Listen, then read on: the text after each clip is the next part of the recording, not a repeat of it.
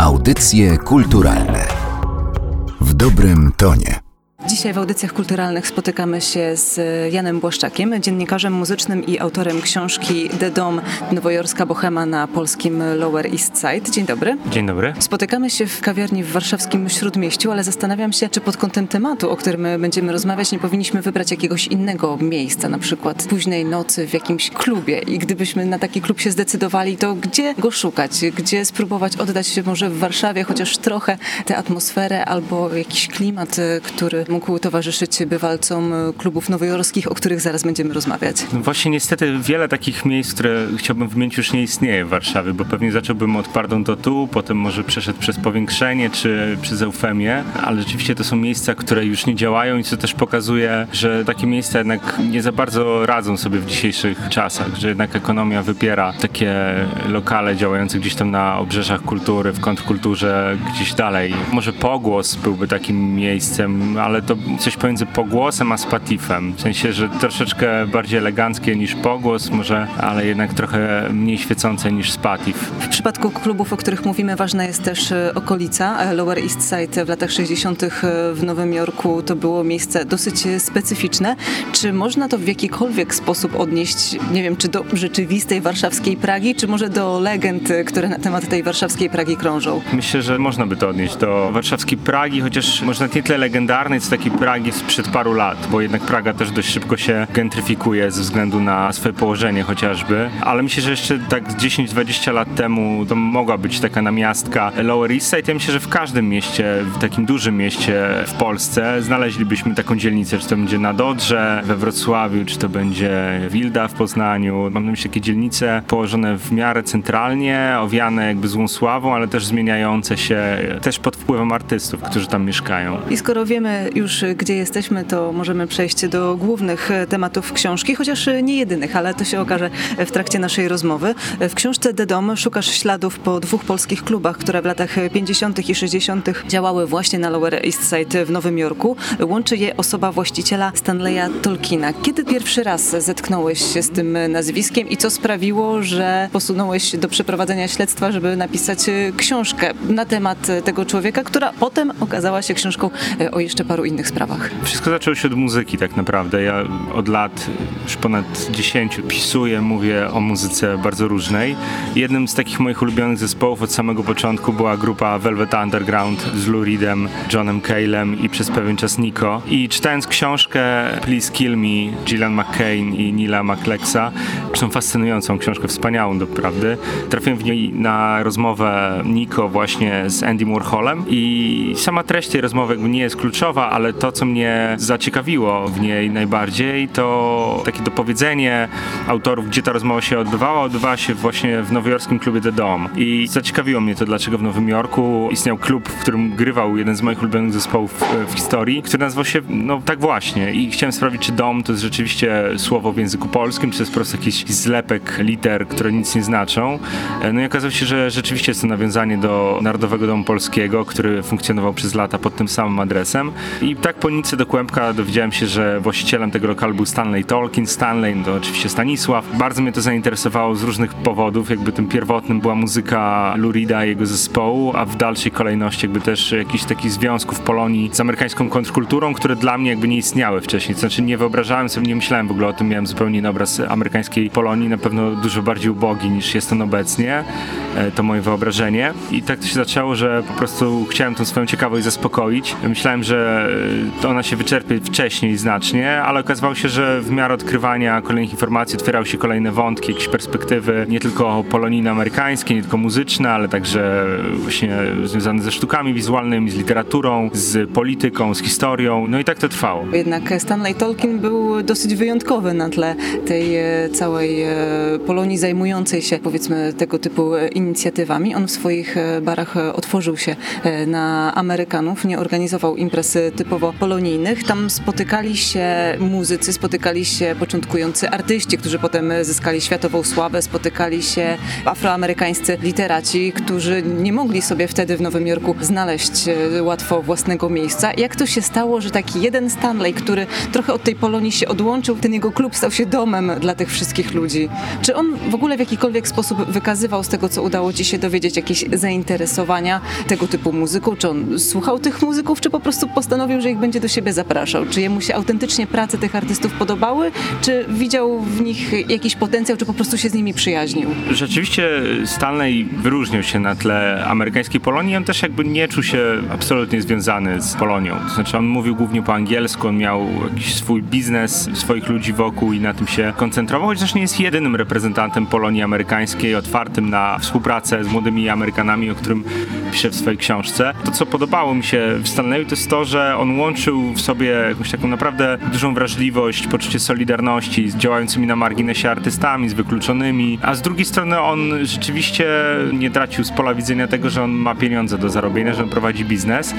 Te dwa podejścia absolutnie się nie wykluczały, wręcz przeciwnie. Jakby Stanley zauważył, że na Lower East Side jest coraz mniej Polonii, może już teraz w mniejszym stopniu, ale kiedyś rzeczywiście ten profil narodowościowy dzielnic zmieniał się bardzo regularnie. No i przyszedł czas na Polonię, której zaczęło ubywać e, na Lower East Side, chociaż wciąż jest tam dość sporo.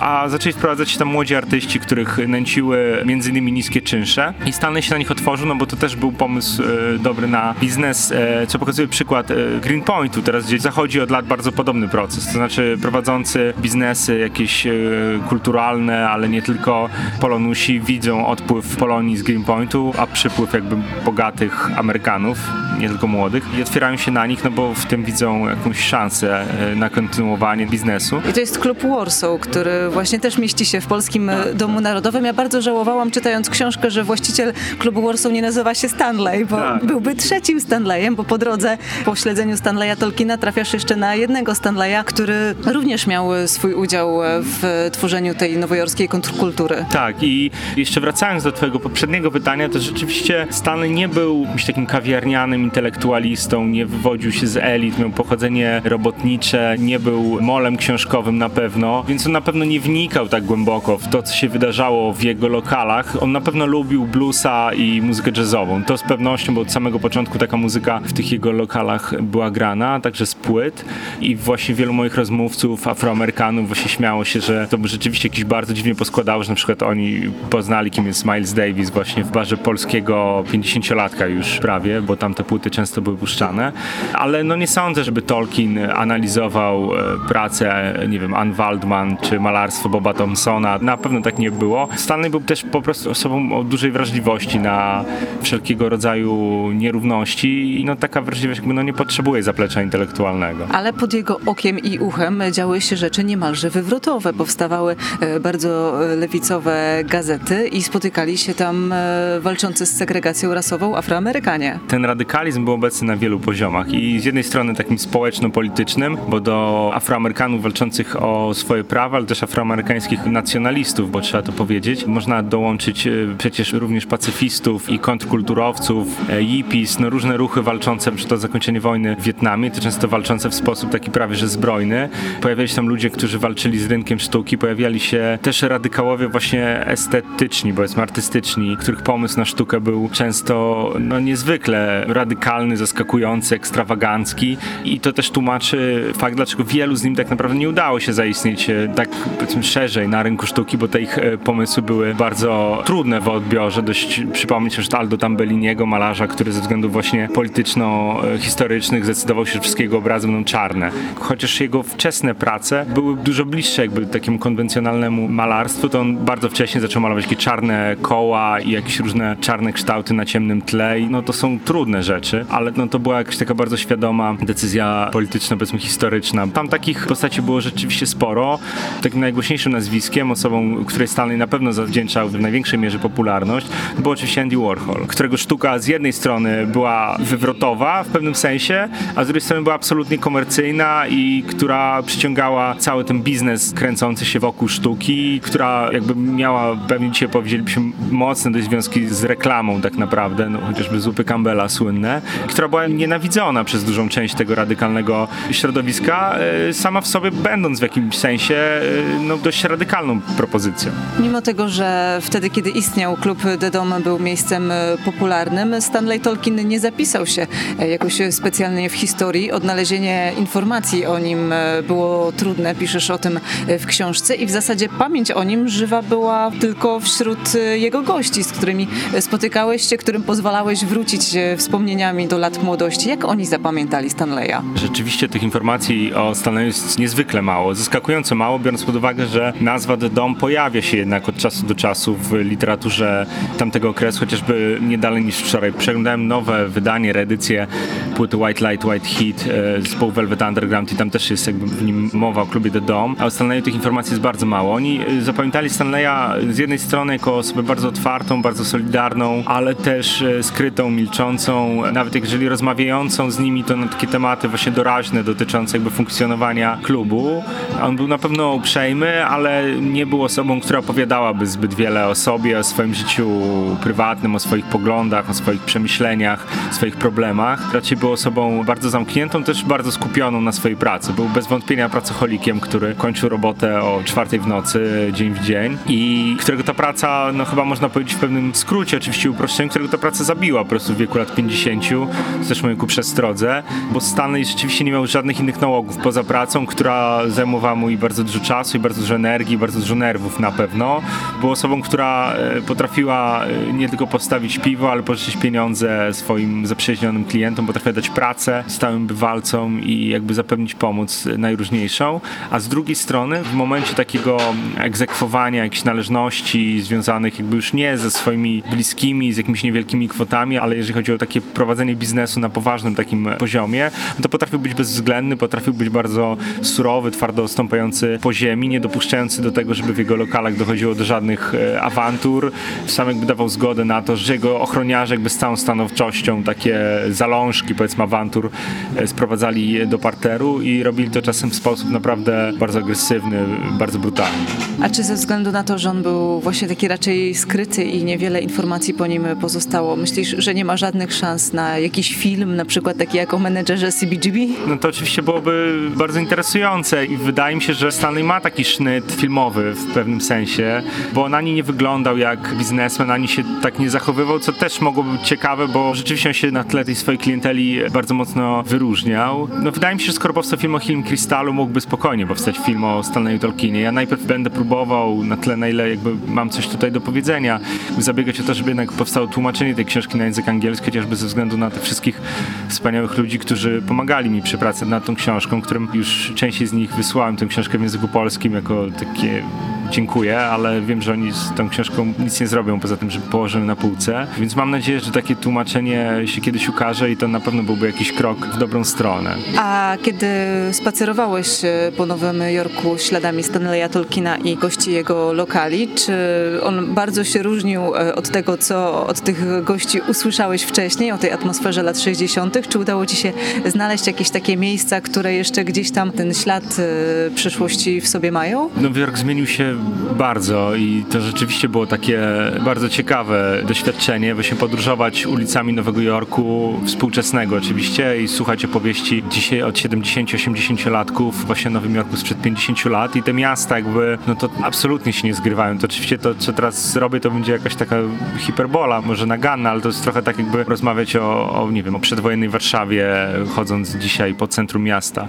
To miasto zmieniło się pod każdym względem, może nie aż tak drastycznie, oczywiście jak Warszawa, też nie tak bardzo pewnie pod względem architektonicznym, bo to już wtedy było miasto wysokich budynków, ale jeżeli chodzi o sprawy takie finansowe, ale też kulturowe, to zmieniło się dramatycznie. I takich miejsc, które kontynuowałyby pamięć po tamtych wydarzeniach, po tamtych środowiskach jest bardzo mało, a już no naprawdę ze świecą ich szukać na samym Manhattanie, który jest miejscem po prostu straszliwie drogim.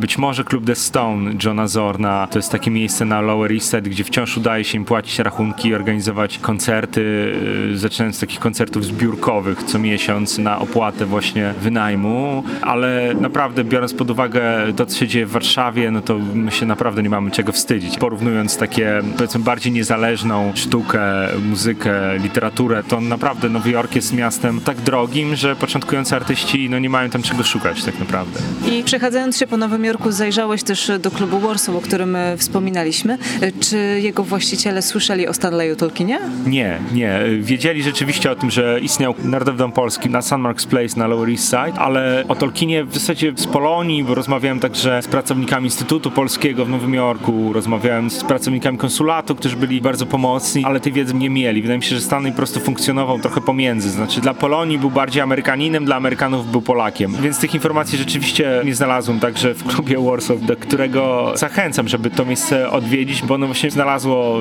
taki, wydaje mi się, złoty środek pomiędzy właśnie prowadzeniem działalności takiej społecznej, propolonijnej, która wciąż tam się odbywa, a zapraszaniem no naprawdę tysięcy hipsterów, którzy przychodzą tam na koncerty najgłośniejszych amerykańskich, nie tylko amerykańskich zespołów, bo takie się e, na Greenpointie w klubie Warsaw zdecydowanie odbywają. I czy składając gotową książkę w wydawnictwie Czarne, żałowałeś, że czegoś się nie dowiedziałeś, z kimś nie porozmawiałeś? Jest coś, co jeszcze w tej historii chciałbyś e, dokończyć? Na pewno było wiele takich nazwisk, wiele postaci, do których próbowałem dotrzeć, począwszy od syna Stanleya Tolkiena, który zmarł chyba miesiąc temu, poprzez no, wielu muzyków, artystów, którzy tam się pojawiali. Z niektórymi z nich udało mi się wymienić jakieś bardzo przelotne, krótkie informacje, a na pewno wolałbym przeprowadzić jakieś takie głębsze wywiady, ale to po prostu nie było możliwe z różnych powodów.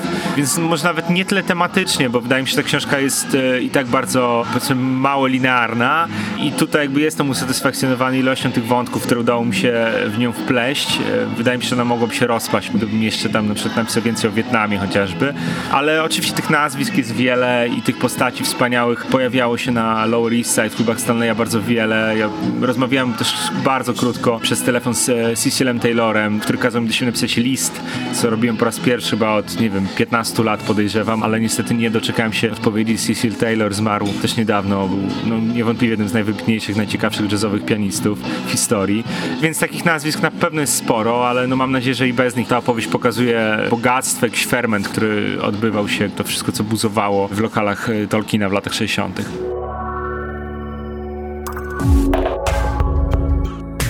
Materiał przygotowała Magdalena Miszewska. Audycje kulturalne w dobrym tonie.